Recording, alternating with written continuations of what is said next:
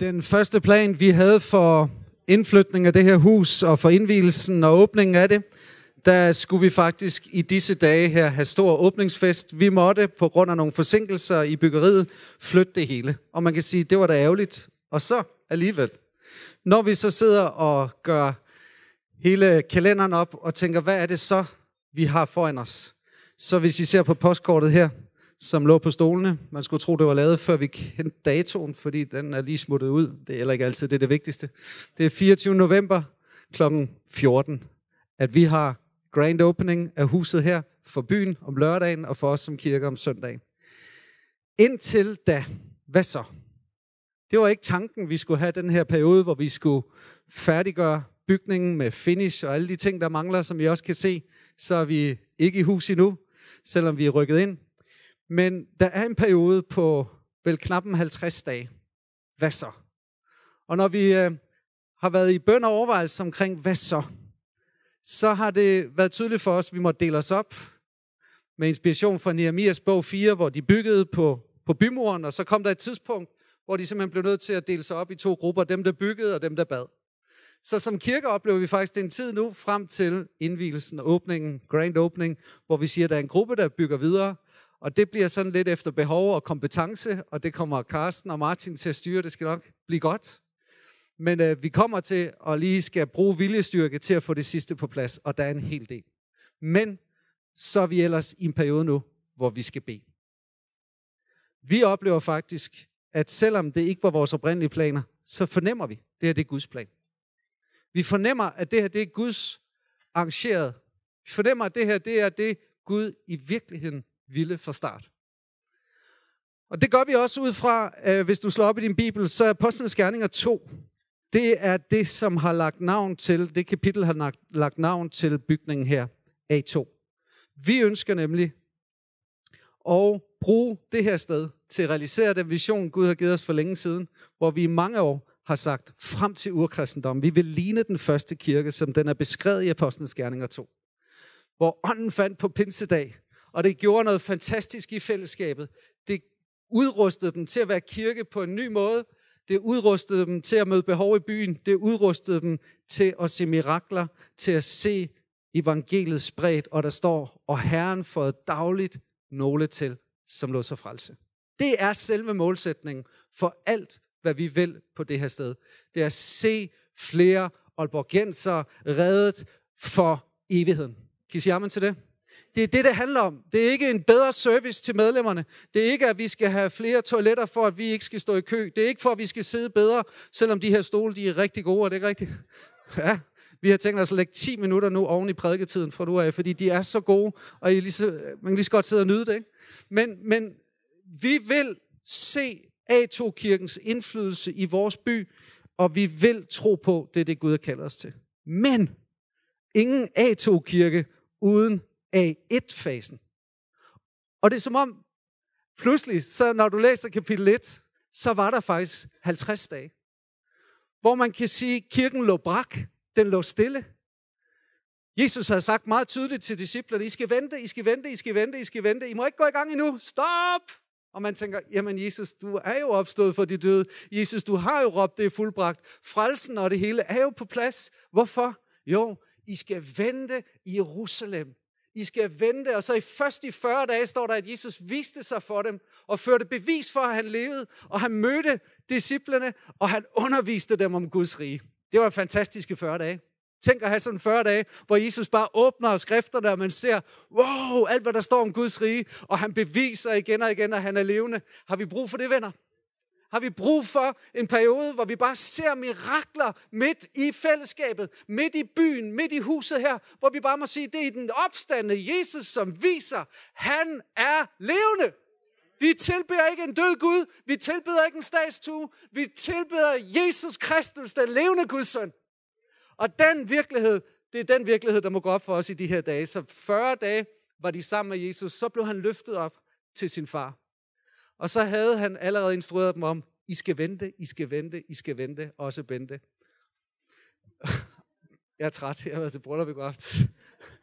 Ned i Middelfart, så I, I får den lige med, med, med skum og fløde her.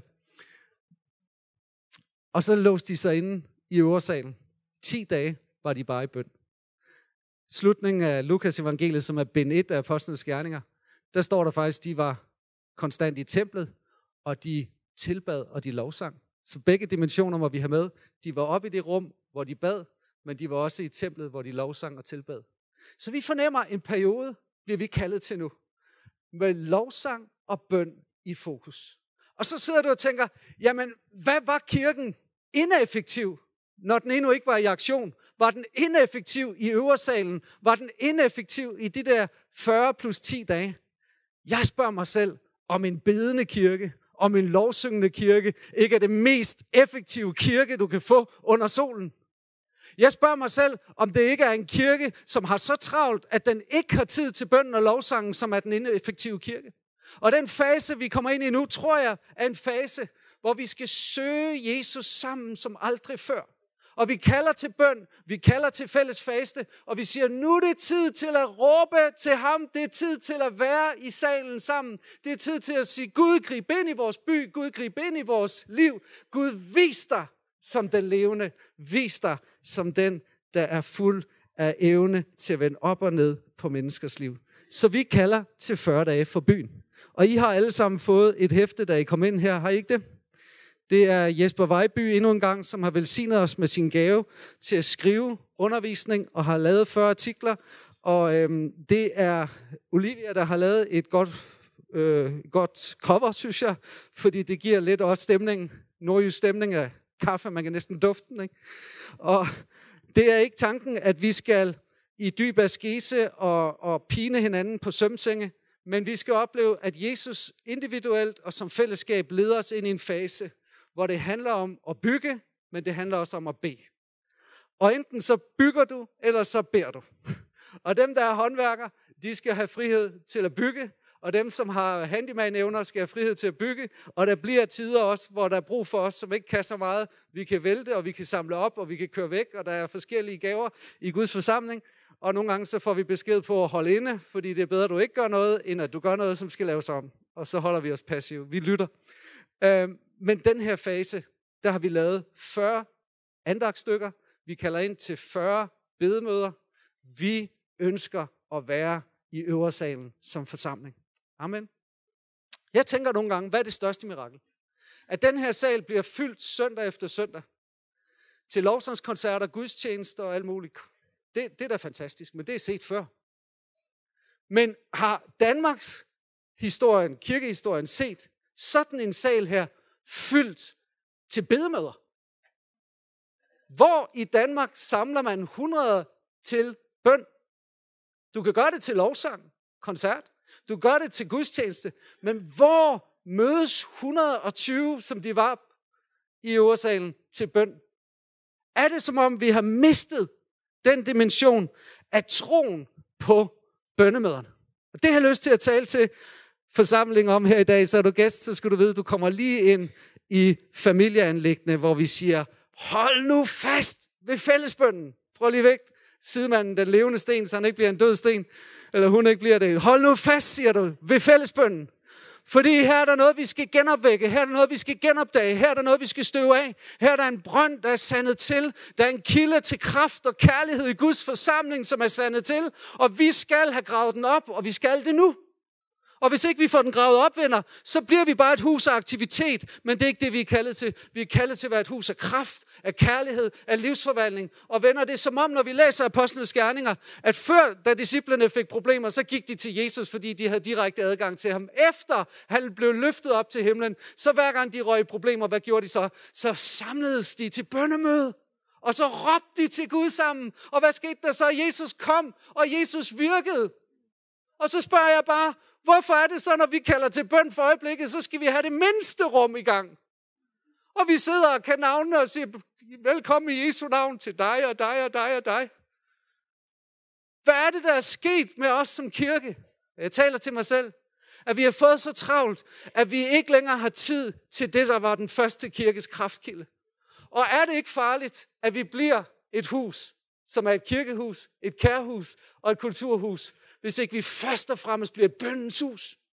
Er det ikke farligt, hvis vi bliver et hus, hvor vi aser og maser for at nå byen, og vi aser og maser for at nå behov, hvis vi ikke får mødt hans behov, som længes man nidkærhed efter at være sammen med sit folk. Vi er kaldet til at være i det allerhelligste forhænge. Det er revet over, og vi har frihed til at gå lige derind, hvor ypperste præsten kun måtte gå ind en gang om året. Men vi har frihed, vi har mulighed, og han har sagt, hvad to eller tre af jer bliver enige om at bede om, det skal de få i mit navn. Hvilken kraftkilde vi har forsømt. Hvilken mulighed vi har for at se Gud gøre nyt. Teksten i dag, den finder du her i Apostlenes Gerninger 1.14, så slå op i din bogrulle, din app eller din telefon, og så få det her vers memoreret. Der står således, de holdt alle i enighed fast ved bønden, sammen med kvinderne og Jesu mor Maria og hans brødre. De holdt fast ved bønden i enighed. Ordet enighed, som bliver brugt her, det er mere end at de gjorde det samme, den samme aktivitet. Det er brugt flere andre steder med at være enige i beslutning og enige i formål. Så det var som om, de havde den samme, det samme fokus. Og det er derfor, at vi har fået det her hæfte skrevet. Så når vi beder, så beder vi enighed. Vi er enige om, hvad det er, vi beder om på hvilke dage. Og vi kalder ind til bønnemøder hver dag, men vi siger også, kan du ikke dukke op til bøn, så bed, hvor du er, og vær med i de her samlinger og bønne foki. Der står, at de holdt fast ved det her græske ord. Det betyder at have travlt og være udholdende i en aktivitet. Nu har vi haft stor travlhed med at bygge, ombygge, renovere, facilitere bygningen her. Og jeg er imponeret. Vi sidder tilbage som lederskab og tænker, hvordan lød det sig gøre? Med arbejdslørdag, hvor der var 50 og 70 og 80, og Karsten måtte finde skodopgaver, som han siger til nogen, fordi der var simpelthen så mange, vi kunne næsten ikke få arbejde til alle. Der var arbejdsaftener, hvor folk kom 10, 20, 30. Hen over sommeren havde vi åbent, og det lykkedes os at nå rigtig meget. Hvorfor? Fordi vi var enige om det. Fordi vi holdt fast ved byggeriet. Venner, nu skifter fokus en lille smule. Nogle bliver ved med at bygge, og så er vi nogen nu, som skal holde fast ved bønden. Vil I være med? Jeg tror ikke på, at vi bliver den A2-kirke, hvis ikke vi gennemlever en A1-fase. I de her 40-50 dage, hvor vi skal være sammen i bøn jeg vil gerne pege på, hvad bønden betød i den første kirke.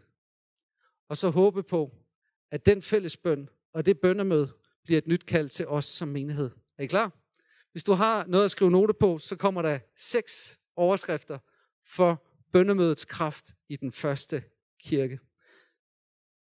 Det første det er, fællesbønden opmuntrede en modløs menighed. Den menighed, som gik op i salen ovenpå, som der står, det var en modløs menighed. Det var en menighed, som havde mistet sin herre, sin general. De var som en flok for uden hyrde. De var som en hær uden leder. Og de var deroppe modløse. Hvad skulle der ske?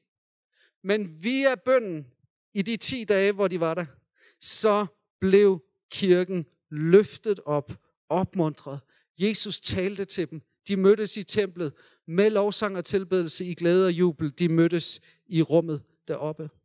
Er du modløs? Er du i en fase, hvor tingene i livet går dig imod? Oplever du, at der er ting, der gør ondt i fællesskabet? Så er der en ting, som vi ikke må forsømme som menighed. Det er at mødes, fordi det, der ændrer på den modløse kirke, det er fællesbøn. Når vi begynder at bede, så begynder Jesus at løfte os op. Og det, der er kroge og hjørner i menigheden, som er modløshed, og som tænker, ah, kan jeg være med i det her? Det virker så stort. Kan jeg være med i det her? med, med, med den indretning, den stil? Bliver det noget for mig? Er jeg blevet for gammel? Er det noget, jeg kan føle mig hjemme i? Jeg har lyst til at sige, uanset hvad dit hjørne af modløshed er, Jesus kan i bønden forene os som et folk, en familie. Og vi skal opleve ved at lytte til hinandens bønder, ved at opleve enheden i bøn, så løftes vi op, vi opmuntres i vores ånd og vores hjerter, så når vi går herfra og går ud af de 40 dage, så mærker vi, at der er en motor i kirken. Den motor, det er bøn. Den motor, det er fællesbøn. Den motor, vi er samlet om, det er ikke nogen form for aktivitet eller ramme, men det er Jesus Kristus i vores midte, når vi beder. Det næste, det er fællesbønnen, var det anviste sted at modtage kraft. Da pinsedagen kom, var de alle forsamlet. Og pludselig lød der med et susen, som er en vægtig vind, og der viste sig, at tunger, som er ild, fordelte sig og satte sig på hver enkelt af dem. Og de blev alle fyldt med helligånden. Amen. Hvad var det for et møde, de var til? Har du tænkt over det? Det var et bønnemøde. Pinse, ilden, ånden faldt på et bøndemøde. Det var bøndens folk, som oplevede fylde af kraft, fylde af ild. Og vi skal opleve, at fællesbønden, det er det sted, hvor Jesus tanker sin kirke op med ny kraft, ny energi, ny inspiration, ny profetisk ånd. Og der, og kun der, der findes ingen anden vej. Prisen for pinse, det er fællesbøn. Vi kan godt sige, at vi vil gerne have pinsekraften, fordi vi planlægger, og vi bliver bedre til at lave marketing, og vi, vi gør så meget at skabe ramme. Nej, der er ikke nogen anden vej. Når vi læser Apostlenes Gerninger, så er det den anviste vej at mødes til fællesbøn. Det er fællesbønnen, som er det offer, der må bringes, så ilden kan falde. De 10 dage i salen ovenpå var det, der skulle til, før Jesus kunne udgyde sin ånd. Alt andet var klar, alt andet var færdigt. Han har udgivet sin ånd. Vi kan modtage Helligånd, men skal vi opleve den nye fylde, refill af ånden, som vi har brug for, for at være Jesu vidner i vores by, i vores tid, så har vi brug for at mødes til fællesbøn. Kan I sige ja til det? Og så tænker du, jamen jeg er jo fyldt med Helligånden, jeg er jo døbt, jeg taler jo i nye tunger, jeg har fået bøndesproget i Helligånden osv. Ja, men Jesus siger, når Helligånden kommer over, jeg skal få kraft, og I skal være mine vidner. Så spørger jeg, hvor meget kraft er der over dit vidensbyrd i øjeblikket? Hvem vidner du for? Hvor mange naboer er du i relation til? Hvor mange kollegaer er du i gang med at vinde for Jesus? Må vi ikke bare sande, når vi ser på os selv, at vi har brug for en ny fylde? Vi har brug for en ny tunge, som er ild, så vi kan sige som de første, vi kan ikke lade være med at tale om det, vi har set og hørt. Den inspiration, passion, kommer fra fællesbønden. Fællesbønden var den forfulgte kirkes stærkeste ressource. Når vi læser i Apostlenes Gerninger 4, Peter og Johannes har været vidne til et fantastisk mirakel. I den skønne port sad der en lang mand, og de rejser ham op i Jesu navn, og hele byen for at høre, at, at han er blevet helbredt. Det er et fantastisk mirakel. Og man tænker, nu går kirken frem. Men nej, kirken blev pludselig udsat for forfølgelse af myndighederne. Og det skabte en kæmpe krise. De blev påbudt ikke at tale mere i Jesu navn. I vores tid ville det være, at man gik ind og begrænsede ytringsfriheden og sagde, I må ikke være kirke. I må ikke prædike evangeliet. Vi har frihed til det nu. Vi ved ikke, hvor længe, men vi skal udnytte den mulighed, som er. Men den forfulgte kirke, hvad gjorde de? Der står i kapitel 4 og i vers 23, de gik hen til deres egne. Det var løsningen på udfordringen, at myndighederne lukkede ned. De gik hen til deres egne. Jesus sagde, gå ud, men her gik de ind. Så det ser ud som om A2-kirken har den bevægelse, så går de ud i mission så får de ind over snuden, så går de ind, og så beder de, og så råber de til Herren, og der står, at de alle som en opløftede deres røst. Og så bad de sammen, og så havde de bønnemøde, og så siger de, se dog Gud til deres trusler. Og så står der, Øh, at de bad om, giv dine tjenere at tale dit ord med fuld frimodighed, og ræk din hånd ud til helbredelse, så der sker tegn under ved dine hellige tjener i Jesu navn. Og så står der, da de havde bedt, rystedes det sted, hvor de var forsamlet, og de blev alle fyldt af helligånden, og de forkyndte Guds ord med frimodighed. Amen. Så bønnemødet var kilden. Det var bønnemødet, hvor gulvet rystede. Kunne I godt tænke jer at få det her gulv rystet? Ja, jeg håber, at det her gummigulv, jeg ikke kan sige navnet på, det er for svært et ord for mig at sige. Men jeg håber, det kan holde til nogle rystelture. Fordi der, hvor ånden falder, der ryster tingene. Og vi har brug for en rystelse. Jeg tror nogle gange noget sætter sig i vores åndelige liv og bliver småreligiøst, indtil vi kommer ind i bønden, hvor Guds ånd falder, og vi igen bliver det folk, som frimodigt står ved, hvem vi er i Jesus. Så fællesbønden, det var den forfulgte kirkes stærkeste ressource. Dernæst så var det vejen til individuel udfrielse. Vi har en anden episode i Apostlenes Gerninger. Nu er det Peter, som den første blandt de 12, som er blevet taget til fange af Herodes. Og han er låst inden og bevogtet af fangevogtere. Men så står der i kapitel 12, og prøv at læse i Apostlenes Gerninger. Jeg synes, det er en fantastisk beretning, som også Mathias havde fremme for nylig en søndag her og, og prædiket over. Der står i vers 5, Peter blev holdt fængslet, men i menigheden blev der utrætteligt bedt til Gud for ham. I menigheden blev der utrætteligt bedt til Gud for ham. Hvorfor står der utrætteligt? Det er fordi bøn kan godt være lidt trættende. Skal vi ikke bare være ærlige?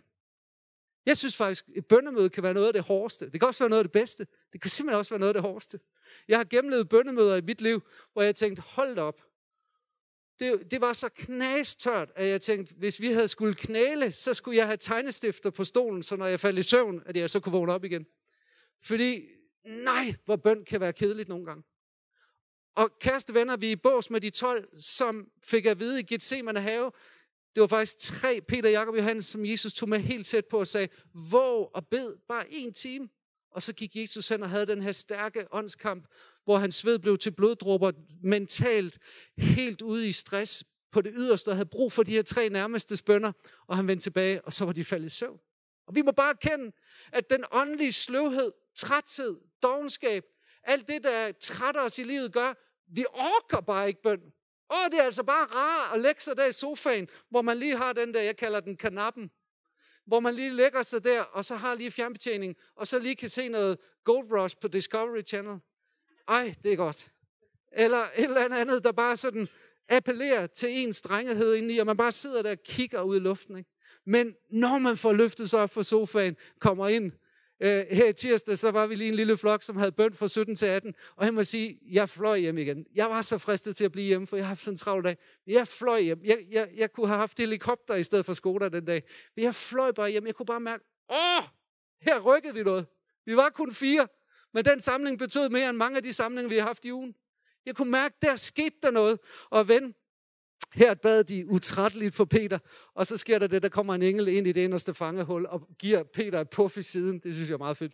Apostelvogn lige op, ikke? En engel, der vækker en. Det kunne man godt have lyst til nogle gange. Søndag morgen, kom nu op. Jeg synes nogle gange, det er dæmonerne, der vækker en i stedet for. Øh. Peter bliver vækket, og dørene begynder at åbne op, og han er pludselig i frihed, og han tror, det er en drøm. Han har slet ikke regnet med det.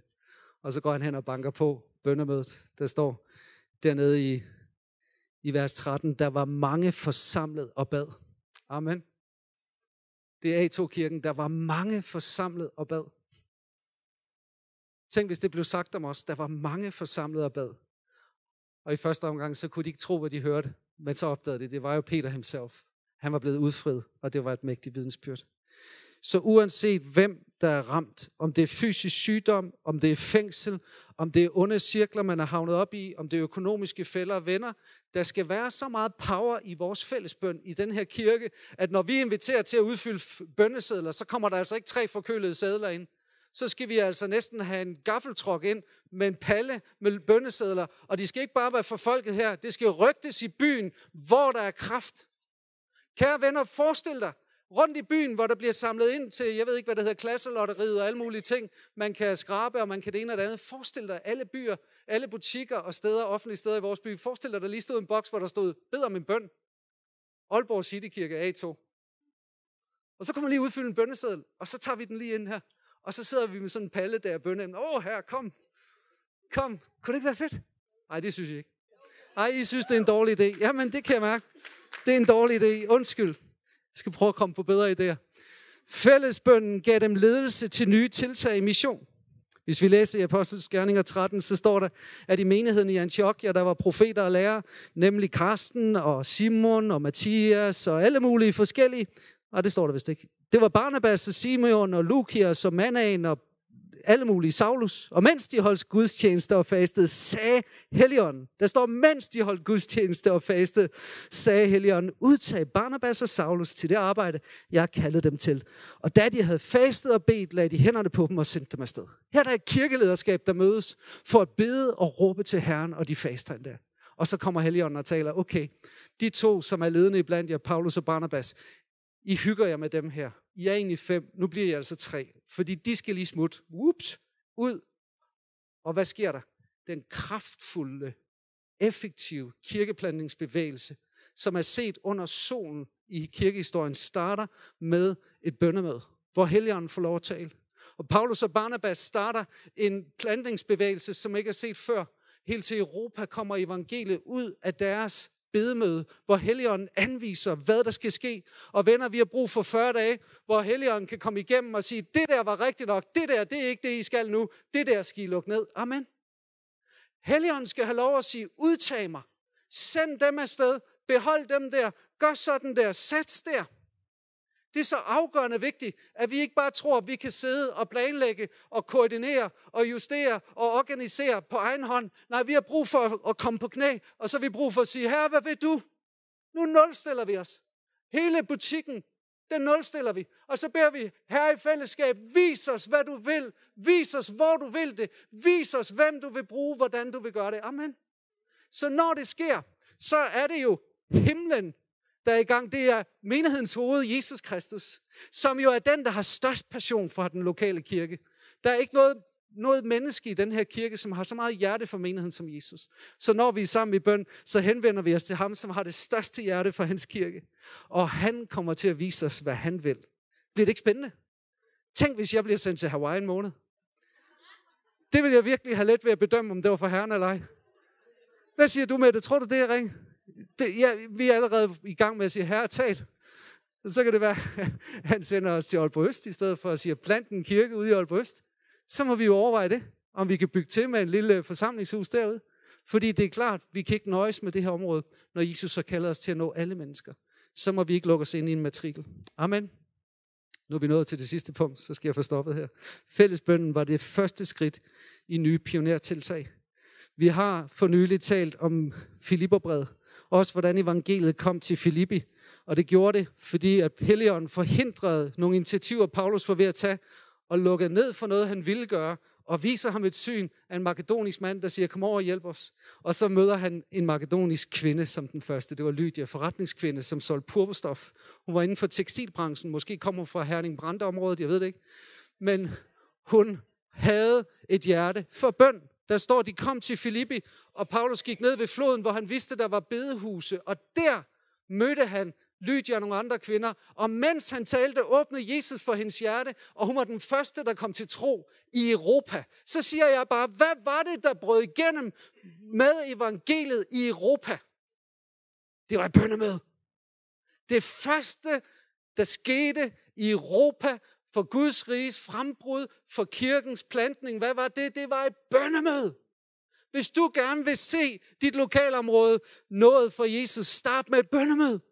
Hvis du gerne vil se et land nået for Jesus, start med et bøndemøde. Hvis du gerne vil se en bestemt målgruppe i byen nået for evangeliet, start et bøndemøde. Fordi ved bøndens kraft får vi nye ny platform. Ikke bare i den fysiske verden, det starter i den åndelige verden, for han har givet os nøglerne.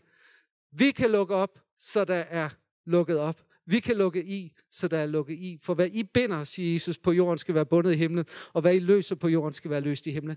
Vi har fået en autoritet og et mandat i fællesbønden i Jesu navn. Og jeg tror slet ikke, vi aner, hvor meget power der er i bøn, når vi er sammen. Og det er derfor, fjenden har forblændet os og sagt, det er meget bedre, at I bruger tiden på alle mulige anden aktivitet. Det er meget bedre, at I ser fjernsyn og går på nettet. Det er godt, I hygger jer. Uh, det er godt alt det der. Hvad med, med, med begynder jeg at bede, så skal jeg komme efter jer.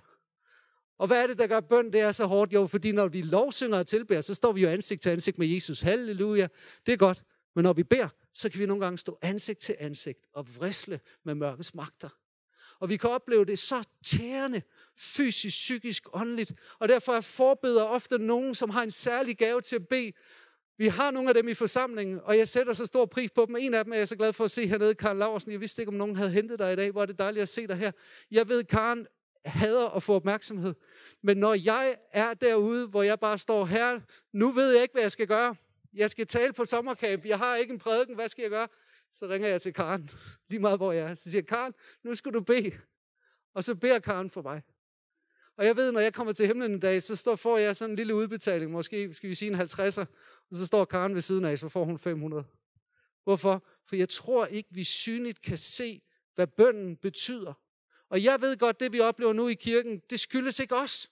Det skyldes dem, der har bedt og banet vejen. Der er nogen, der har bedt i så mange år, og nu avler vi, vi høster deres bøndesvar. Og det må give en ydmyghed. Men der er nogen, der må bede, og der er nogen også i den nye generation, der må bede. Hvis unge i vores menighed kun bliver gode til det, som har at gøre med aktivitet, så mangler vi noget i den nye generation, som er stærkere i den ældre generation. Jeg taler ind i mit eget liv. Vi bliver nødt til at se, hvem i den nye generation Gud har lagt hånden på, til i særlig grad at være forbeder. Og bare frose med tid i Guds nærvær, for at kalde på Gud og stille sig i gabet for hans ansigt og sige, Gud forbarmt over byen, Gud forbarmt over menigheden, Gud forbarmt over ægteskaberne, Gud forbarmt over hjemmene. For Gud siger, jeg ville gerne, jeg søgte efter en, men jeg fandt ikke nogen, derfor vil jeg udøse min vrede. Ven, han søger efter en. Han søger efter et folk, som vil stille sig i gabet. Vil du være med? De holdt fast ved. De holdt fast ved. Skal vi bede sammen? Jesus Kristus. Jesus Kristus, kom. Jesus Kristus, tal. Jesus Kristus, vi beder om en udgydelse af din ånd, nådens og bøndens ånd. Her vi beder om tilgivelse for vores forsømmelser. Her vi beder om tilgivelse for, at vi ikke har prioriteret bønden sammen nok. Her vi beder om tilgivelse for, at vi ikke har været i dit nærvær nok som enhed. Her vi beder om tilgivelse for det personligt, individuelt. Vi beder om tilgivelse for det som menighed. Her forbarm dig over os. Giv os et nyt kald. Her jeg kender for min egen del, der hvor jeg ikke har set den her betydning. Her der hvor jeg har fokus andre steder. Tilgiv mig her. Tilgiv mig. Her før os tilbage som kirke til Apostlenes Gerninger 1, så vi kan opleve kraften i Apostlenes Gerninger 2.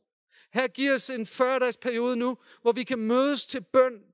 Her, hvor hver husstand bliver repræsenteret i disse bønnesamlinger, og hvor vi får lov til at se det mirakuløse ske, at der ikke bare var to, eller tre, eller fem, eller ti samlet til bøn, men hvor vi måtte op i tre cifre for at måle mængden af forbedere, der var samlet. Her, tak fordi vi skal kunne sige, det skal kunne sige som os, at vi utrætteligt bad. Det skal kunne sige som os, at der var mange forsamlet for at bede. Her tak fordi jeg på bøn, som svar på bøn, så skal vi se din kraft udgydt. Så skal vi se personer udfriet. Så skal vi se byens hjørner og kroge noget med evangeliet. Vi skal se evangeliet bryde ind i nye områder. Vi skal se nyt pionerarbejde rejst op. Her vi erkender, vi kan ikke uden det først er forberedt i bøn. Og derfor beder vi om, at den højeste og vigtigste tjeneste i vores menighed må få lov til at rejse sig i en ny kraft, i en ny dimension, nemlig forbønstjenesten. Her kald os som kirke. Udgyd nåden så bønden så over os. Udgyd nåden så bønden så over os. Her giv os personligt, individuelt, den rystelse, der skal til.